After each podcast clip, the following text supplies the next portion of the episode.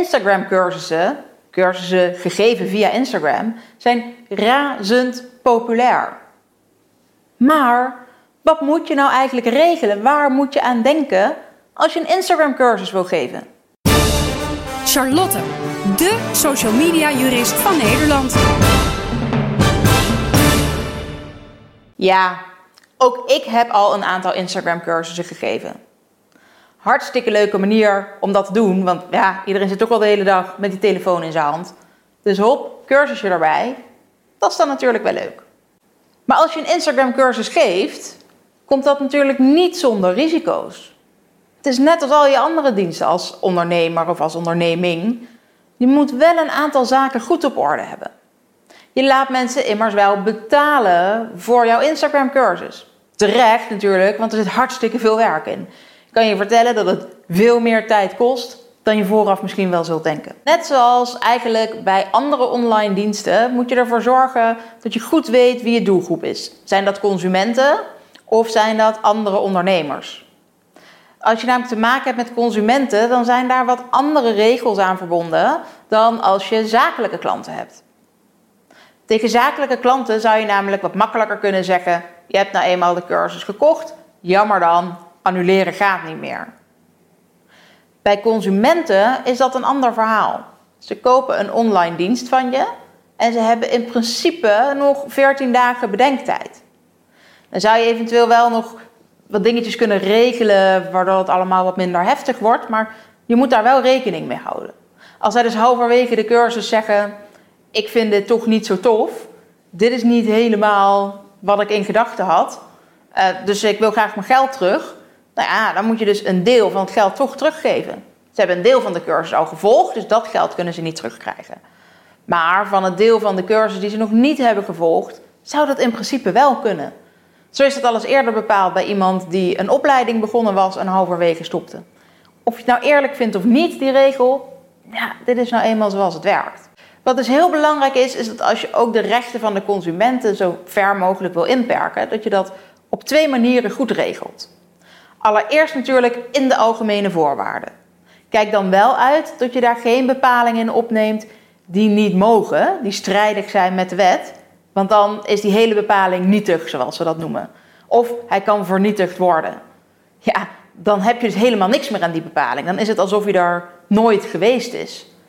Dus zorg alsjeblieft dat je je wel aan de wet houdt. Nou, daarnaast moet je op de site waar je bijvoorbeeld dat aanbod doet, of als je dat gewoon op je eigen Instagram-account doet, daar al een aantal zaken goed vermelden. Zoals hoe jij dat herroepingsrecht of dat ontbindingsrecht geregeld hebt. En dus ook als je wil dat iemand daar vanaf kan zien. Vervolgens moet je natuurlijk ook heel duidelijk maken hoe het aanmeldproces in elkaar zit. Kan iemand bijvoorbeeld eerst nog een mailtje sturen om wat meer informatie te vragen? Of is dat mailtje altijd meteen al een aanmelding? Wanneer is nou die overeenkomst echt van toepassing? Wanneer is die er? Wanneer heb jij dat aanbod gedaan en is dat door die ander aanvaard? Je moet goed dat moment bepalen. Daar moet je duidelijk over zijn. Dus het kan best zijn dat je zegt: stuur mij een mail dat je je aan wil melden en dat jouw bevestiging dan ervoor zorgt dat je zeker weet dat iemand meedoet. Dat iemand er vanaf dat moment niet meer onderuit kan. Het kan ook zijn dat je vindt dat dat moment al eerder ligt, maar dan moet je dat goed communiceren. Wanneer is er sprake van de aanvaarding van jouw aanbod? Daarnaast moet je ook heel erg duidelijk maken wat je van zo'n cursist verwacht.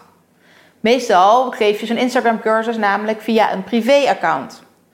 Dus wil je dat iemand zich aanmeldt zeg maar, om jouw account te volgen, zodat je dat kunt accepteren. Wat zijn dan de gevolgen als iemand dat niet doet of niet op tijd doet, waardoor hij misschien een live QA mist die maar 24 uur online staat? Dat soort zaken moeten ook allemaal goed in je algemene voorwaarden komen te staan. Of ga jij misschien juist wel achter iemand aan als die zich niet heeft aangemeld? Je moet ook heel duidelijk zijn dat iemand wel hetzelfde account noemt als waarmee die mee wil doen.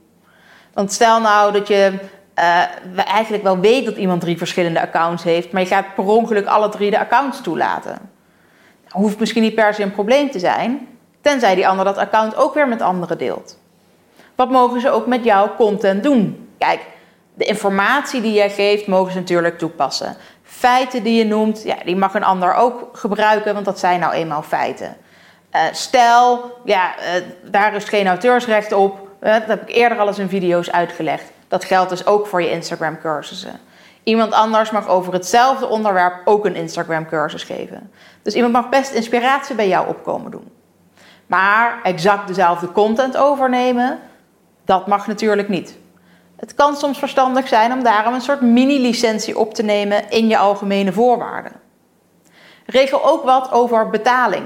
Wanneer doet iemand mee? Op het moment dat ze betaald hebben of krijgen ze nog 14 dagen de tijd om te betalen? Maak ook dat dus heel erg duidelijk.